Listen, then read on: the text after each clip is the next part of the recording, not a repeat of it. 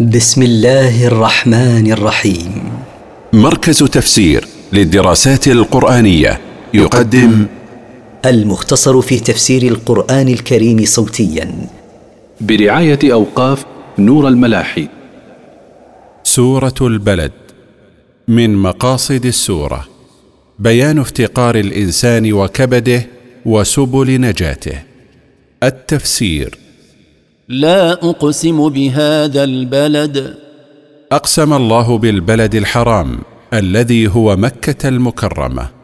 وأنت حل بهذا البلد. وأنت أيها الرسول حلال لك ما تصنع فيها من قتل من يستحق القتل وأسر من يستحق الأسر. ووالد وما ولد. وأقسم الله بوالد البشر وأقسم بما تناسل منه من الولد. لقد خلقنا الإنسان في كبد. لقد خلقنا الإنسان في تعب ومشقة لما يعانيه من الشدائد في الدنيا. أيحسب أن لن يقدر عليه أحد؟ أيظن الإنسان أنه إذا اقترف المعاصي لا يقدر عليه أحد ولا ينتقم منه ولو كان ربه الذي خلقه؟ يقول أهلكت مالا لبدا. يقول أنفقت مالا كثيرا متراكما بعضه فوق بعض. أيحسب أن لم يره أحد؟ أيظن هذا المتباهي بما ينفقه أن الله لا يراه؟ وأنه لا يحاسبه في ماله من أين اكتسبه وفيما انفقه ألم نجعل له عينين؟ ألم نجعل له عينين يبصر بهما؟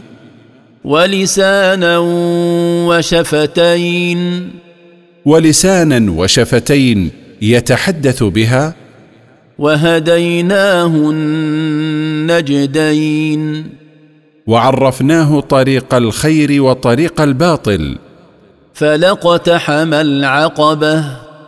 وهو مطالب بأن يتجاوز العقبة التي تفصله عن الجنة فيقطعها ويتجاوزها. وما أدراك ما العقبة؟ وما أعلمك أيها الرسول ما العقبة التي عليه أن يقطعها ليدخل الجنة؟ فك رقبة.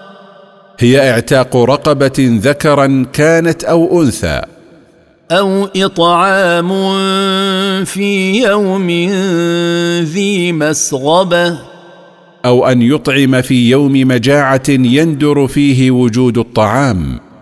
يتيما ذا مقربة. طفلا فقد أباه له به قرابة. أو مسكينا ذا متربة. أو فقيرا ليس له شيء يملكه.